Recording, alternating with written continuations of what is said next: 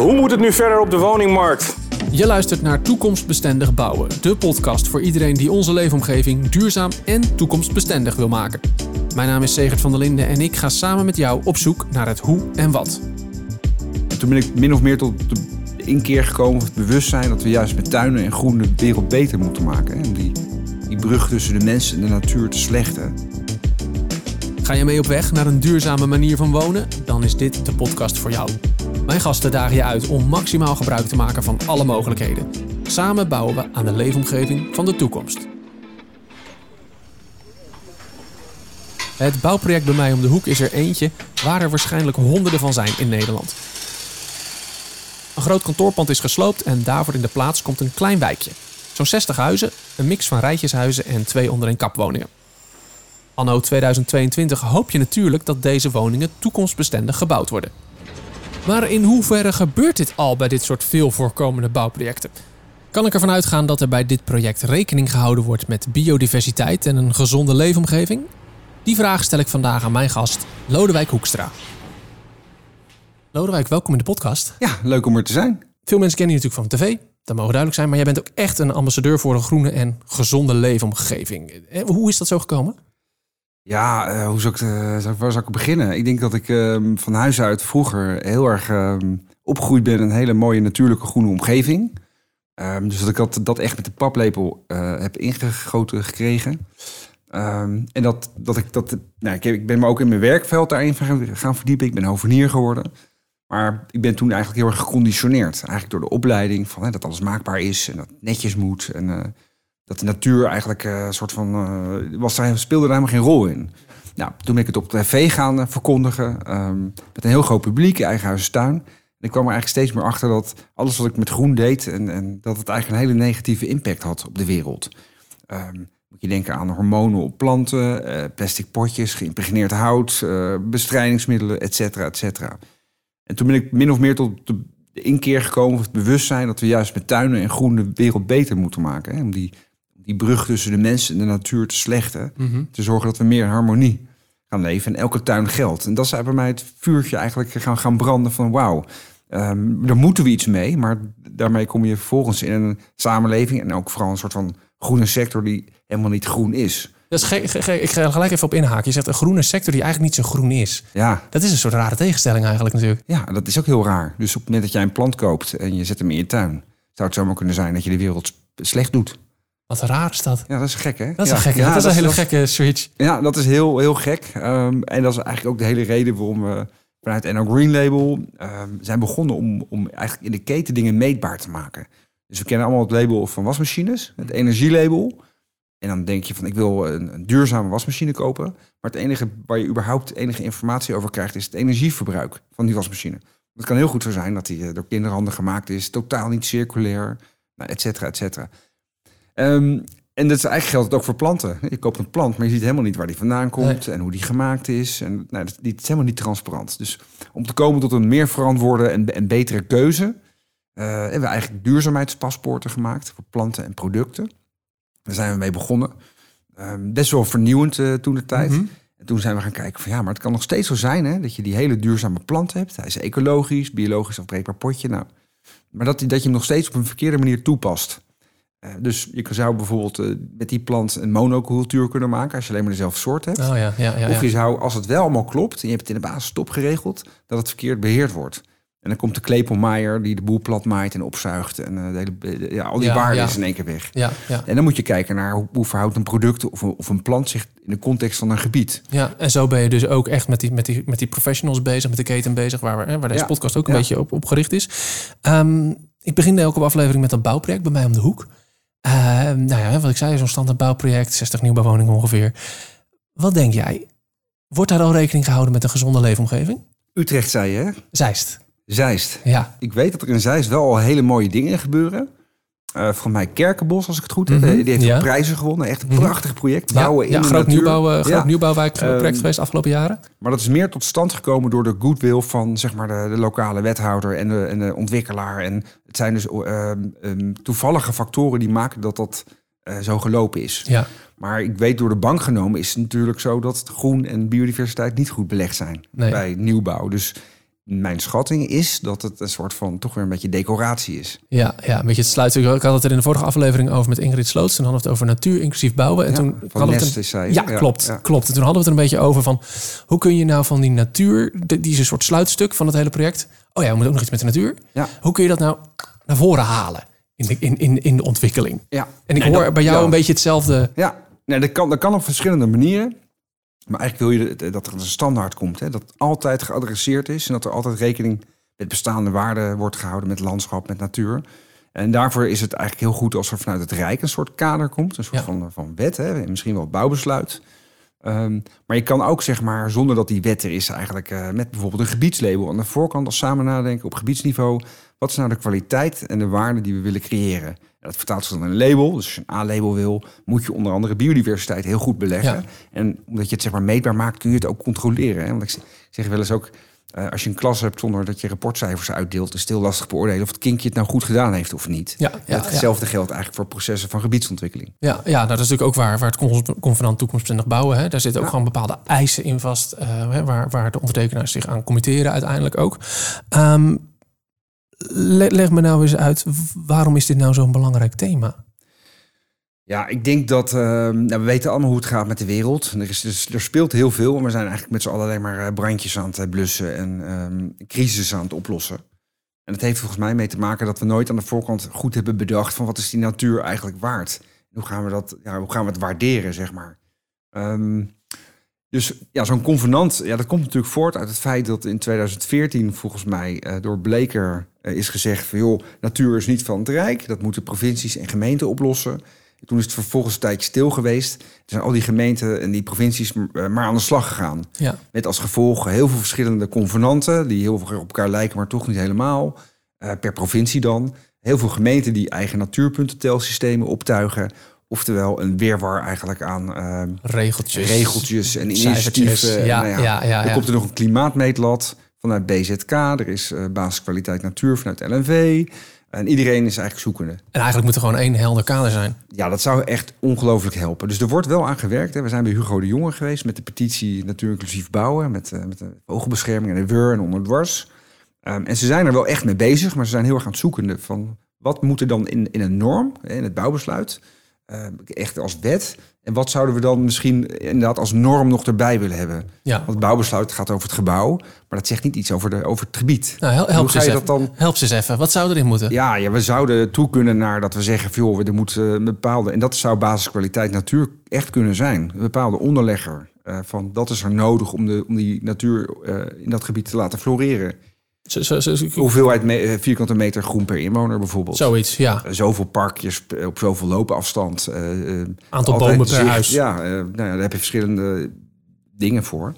Ehm, ik ben heel benieuwd wat er uitrolt hoor. Want er Ja. gebeurt heel veel op dit gebied. Ik weet ook dat de, dat de provincies, we doen ook eh, veel met de provincie Utrecht, maar ook eh, Zuid-Holland, eh, Gelderland, dat, dat die heel erg zoekende zijn van hoe kunnen die nou, hoe kunnen we nou samenkomen met die convenanten. En, Ja. en het soort van onderopbeweging die wel heel goed is hoor. Ja, dat moet gewoon één helder kader zijn voor iedereen, waardoor je dus niet voor verrassingen komt te staan. En dat het geborgd is. Dat we Juist. zeker weten dat dit gebeuren gaat. Ja, zeker. En gelukkig zijn er steeds meer projectontwikkelaars, Heijmans, Ballas, Nedam, maar ook BAM wonen, die echt eh, ehm, gewoon zelf zeggen: wij willen dit. Niet alleen omdat het goed is en belangrijk voor onze kinderen en de wereld, maar ook omdat je dan gewoon beter woningen verkoopt en, minder zienswijzigingen hebt. Je hebt meer kwaliteit, nou ja, eh, gezondheid, et cetera, et cetera. Want wat als we dit nou niet gaan doen? Wat als we Ja, op de dat- huidige voet verder gaan? Ja, nou ja, goed. eh, het is wat dat betreft natuurlijk kwart over zes. Geen vijf voor twaalf. Hè? Dus de warmste zomer in 500 jaar. En ik denk dat heel veel mensen ehm, het ook niet zien. Ehm, dus het valt niet zo op dat je geen, geen vliegjes meer op de vooruit hebt. Is misschien zelfs wel fijn. Ja, Dat je een warme, heel- warme zomer hebt, zei je net zelf nog. Nou ja, het is best wel... eh, nou, maar, ja. maar wat er eigenlijk gebeurt, is, is een soort van onomkeerbaar proces. Wat ook niet meer zomaar te stoppen is. Ehm, en het wegvallen van biodiversiteit en ecosystemen, waar we zelf onderdeel van zijn, is in principe het, het, het, het- ja, het, het, ze zeggen wel eens de zesde uitstervingsgolf. Mhm. Zolang de wereld bestaat, is ze eigenlijk al bezig. Oké. Dus als je het zo zegt, dan, Ja, eh, dat dan klinkt ineens heel heftig. Ja, ik maar, zeggen, ja. dus, maar zo heftig is het ook. Maar het goede is ook weer dat we, als we het goed gaan doen, dat elke gebiedsontwikkeling aantoonbaar de wereld weer beter kan maken. Ja. En weer bij kan dragen aan die thema's. Dus we kunnen het wiel ook omdraaien. Dat vind ik wel fijn. Ik merk het in de andere gesprekken ook. Ik, ik kom elke keer uit het gesprek en dan denk ik... Komt goed. Ja. Volgens mij komt het wel je goed. praat natuurlijk alleen maar, denk ik, ook met koplopers en met believers. Dat is waar. Ja, hè? dat is waar. En, ehm, die helemaal, helemaal in die tip of de speer zitten. Maar kijk, als ik over de snelweg rijd, dan zie ik gewoon aan brandnetels en brama, zeg maar dat stikstofverhaal. Gaat niet alleen over het stikstof, maar het gaat erover dat er heel veel soorten verdwijnen. Ja. Over dat er eh, bossen gewoon doodgaan. Onze bossen gaan dood, weet je. Maar dat, je, moet wel, je moet het wel zien, zeg maar. Ja. En heel veel mensen zullen het eh, geen idee er- ik, zie, hebben. ik, zie dat, ik, zie, ik zie niet dat onze bossen doodgaan. Ik zie wel dat er een behoorlijke monocultuur is als ik langs eh, over de snelweg Ja. rijd. Heel veel grasland. En dat, dat is het een Ja, beetje. ja, Maar de bossen doodgaan? Nee, dus, nog voor niet. mij zijn de helft van de bossen ze zijn een soort van. De beuken hebben het heel slecht, hè, want die hebben water nodig. Mhm. Oh Eh, ja, dan kunnen heb je wel een die- probleem nu. Ja, Ja. eh, sparren gaan dood door de letterzetter en door eigenlijk gecombineerd met de klimaatverandering, want die kunnen, die hebben liefst ook wat meer vocht. Worden ze, krijgen ze minder weerstand. Dan komt er een beestje en dan door die monoculturen krijg je een enorme grote uitval. Eh pro, eikenprocessierups, Oh ja, ga zo maar ja, door. Dus, ja. Maar goed, we moeten inderdaad focussen op, op wat wel kan. Ja. En dat, gelukkig kan er veel. En moeten we gewoon positief zijn. Dus, en ik geloof daar heel erg in. En als ik praat met banken en met eh, ontwikkelaars en met, met gemeenten, iedereen wil groen. Ja. Nou, en dat is wel echt anders dan eh, vijf jaar geleden. Gelukkig. Nou, la- laten we dan eventjes positief blijven. Laten we eens naar die koplopers gaan. Heb jij eens een, een, een paar voorbeelden of zo van, van plekken waar je zegt van... nou, daar wordt gewoon echt heel goed rekening gehouden met die gezonde leefomgeving. Daar gaat het al goed. Eh, ja, wat ik zelf heel erg inspirerend vind. eh, ik praat natuurlijk wel een beetje vanuit mijn eigen ervaring en mijn eigen netwerk. En dat is logisch Eh, ook. eh Ballas Nedam met het Natuurhuis. Ja. Waarbij zeg maar, het, het gebouw echt als, als een soort van natuur wordt gezien. Maar ook de materialen waar het vandaan komt. Ja, ja. Hè, dus als je met biobased materialen gaat werken... krijgen boeren weer een nieuw verdienmodel. Ja. Krijg je meer waardering in de keten. En dan kunnen ze af van die wurgcontracten met de Rabo en de Campina. Dus dat zou heel mooi zijn. Ja. En je slaat CO2 op in je huis. Als je, als je daar meer over wil horen trouwens, eh, de eerste aflevering met Jan-Willem van de Groep. Kijk, ja, ook, Hebben een, we het eh, over ook een. Gideon. Hè? Dat is de Gideons bende. Ja, oh, ook onderdeel ook bij de. Gideons bende. Ja, maar Juist. ik breng natuurlijk natuur en groen in dat clubje. Ja, logisch. Ja, ja. En duurzaamheid gaat heel snel eh, een beetje sectoraal over CO2, over banknormen. We vergeten daarbij eigenlijk de context van het gebouw versus het gebied. Ja, ja, En dat is waar wij heel erg voor pleiten. Hè? Van, eh, duurzaamheid is altijd integraal. ja, ja. Dus je kan het een niet los van het ander zien. Nee, je kunt niet alleen maar een heel mooi eh, energie-neutraal, klimaatbestendig huis neerbouwen. De omgeving hoort er ook bij. hè? Ja, zeker. Ja, ja. En, en, en andere projecten waar het misschien al wel in de, in de praktijk gebracht wordt? Ja, Kerkenbos zeiden we net, super Ja? gaaf. Eh, ja, heel, heel, heel oud voorbeeld, eigenlijk al 20, 30 jaar oud. Even langs meer, Culemborg. Helemaal te gek. Ja, het is gewoon een soort van, van eco-wijk. Maar dat is omdat er gebouwd werd in een waterwingebied. Dus ze moesten aan de voorkant, moesten ze daar wel heel secuur over nadenken. Hè? Over eh, hoe je met die eh, om, buitenruimte omgaat en hoe je bouwt. En, eh, ehm, dus dat waren meer de lokale omstandigheden. Ja, Maar het is wel zo dat nu vanuit het Rijk ook gezegd wordt... we willen meer sturende principes. Dus bodem en water moeten meer sturend worden. Mhm. Dat zou dus een enorme driver kunnen zijn achter een hele andere manier van bouwen. Hoezo dan? Hoezo, hoe zit Nou, op het moment dat, dat, dat het een waterwindgebied is of dat water leidend wordt, krijg je hele andere uitgangsprincipes eh, en uitgangspunten in, in een gebiedsontwikkeling. En, en hoe is dat bijvoorbeeld in Culemborg dan uitgepakt? Ja, daar hebben ze ehm, ehm, heel weinig verhard. Heel veel groen, eh, geen, weinig bouwkundige objecten, gemeenschappelijke tuinen. Ehm, nou ja, kijk, maar dat zijn een beetje dan de pareltjes. En, en, een, en een partij van wie ik uit eerste hand weet dat ze heel systematisch duurzaamheid borgen in hun processen. hè, Want het moet zeg maar van ontwerp tot en met de ontwikkeling moet je dat helemaal zeg maar in de scope hebben. Is Heijmans. Die hebben gewoon gezegd als bold statement: alle gebiedsontwikkelingen moeten NL Green Label A zijn in 2023. Totaal onhaalbaar. eh, maar ze zetten onwijs gave stappen. Er zijn heel veel ecologen aangenomen. En ik zie dezelfde ontwikkelaars die vijf jaar geleden zeiden van... eh, ja, nou ja, bouw en, en groen is ook belangrijk. Die nu beginnen te oreren over hoeveel natuurvriendelijke oevers ze hebben... en gemixte beplanting en hoe Ja. trots ze zijn op die vogels. Ja, ik denk wauw, weet je wel. Dus gaaf dat zeg, is echt cool. dat dat dan gewoon zo maar gaat. die, ja. die transitie die ik als persoon heb doorgemaakt... heeft ook tien jaar geduurd. Mhm. Dat hebben organisaties en gemeenten ook nodig. Ja. Dus wil jij dit thema zeg maar substantieel verwerken in, al je, in alle geledingen en integraal gaan denken en werken, dan heb je tijd voor nodig en eigenlijk ook een soort van programmatische aanpak. Een convenant, een ambitie kan een onderdeel zijn, maar vervolgens moet je het ook mee- meetbaar maken en monitoren en zorgen dat je het elke keer meeneemt op, het- op, op het moment dat je aan de slag gaat. Ja, ja. En dat is, dat is wel, een convenant is goed, hè, maar hoe, ga je, hoe vertaalt dat zich in een gebiedsgerichte aanpak? Ja. En de kwaliteit op langere termijn. En hoe maak je dat dan meetbaar? Is dat wat nodig is om dit hiervan misschien de standaard te kunnen maken? Ja, daar geloof ik heilig in. Ja. Dat is wel, eh, ja, dat is wel hele onze visie. Kijk, als je het niet meetbaar kunt maken, dan, eh, dan blijft het natuurlijk, eh, ja, het moet groen worden. Maar wat is dat dan groen? Ja. Is dat, is dat eh, kunstgras, een palmboom of is dat... eh, Klim op tegen de muur. Nee, ja, nou ja, goed. Maar klim op tegen de muur is eigenlijk hartstikke goed. Mhm. Ehm, maar dat is natuurlijk omdat het fijnstof opvangt en omdat het nestplaats is voor vogels. Het is een klimplant. Hè. Je, je plant hem zo en hij groeit uit zichzelf. Ja. Hij zorgt voor koeling in de zomer.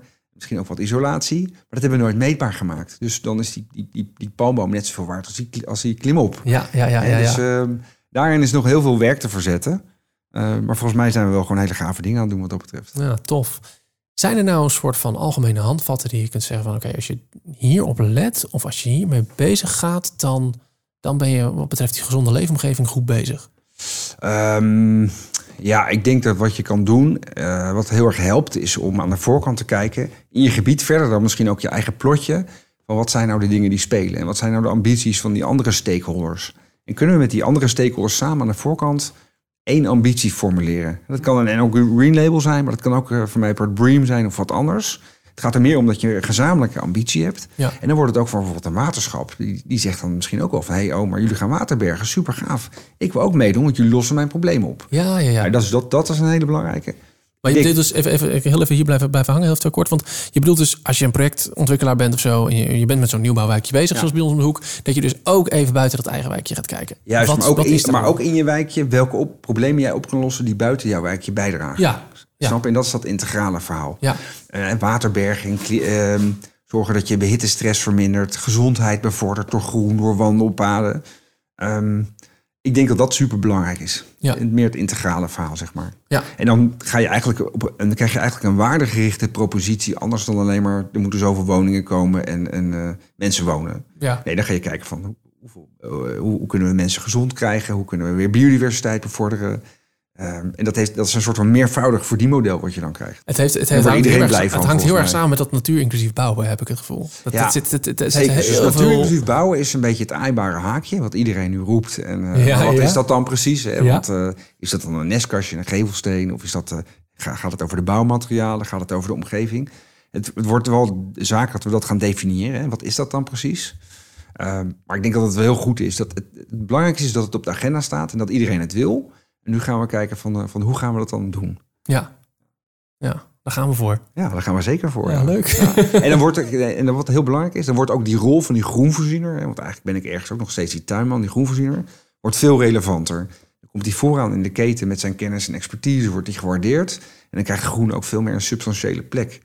En dan is het niet meer dat, zo dat we aan het einde van de klus erbij geroepen worden om eh, het geld is op en dan moeten er nog wat boompjes in. Ja, en, eh, ja. en in feite is het ook zo dat, je, dat kijk, als je het kan ontwerpen en je kan het maken, maar je kan het niet beheren, is het ook niet duurzaam. Maar dat, dat beheren, en dat, dat, daar wordt eigenlijk nooit over nagedacht. Nee, dat is Dus waar. eigenlijk is die beheerder ja. Die beheerder belangrijk. persoon. Ja, Dus die beheerder wil je eigenlijk in het proces.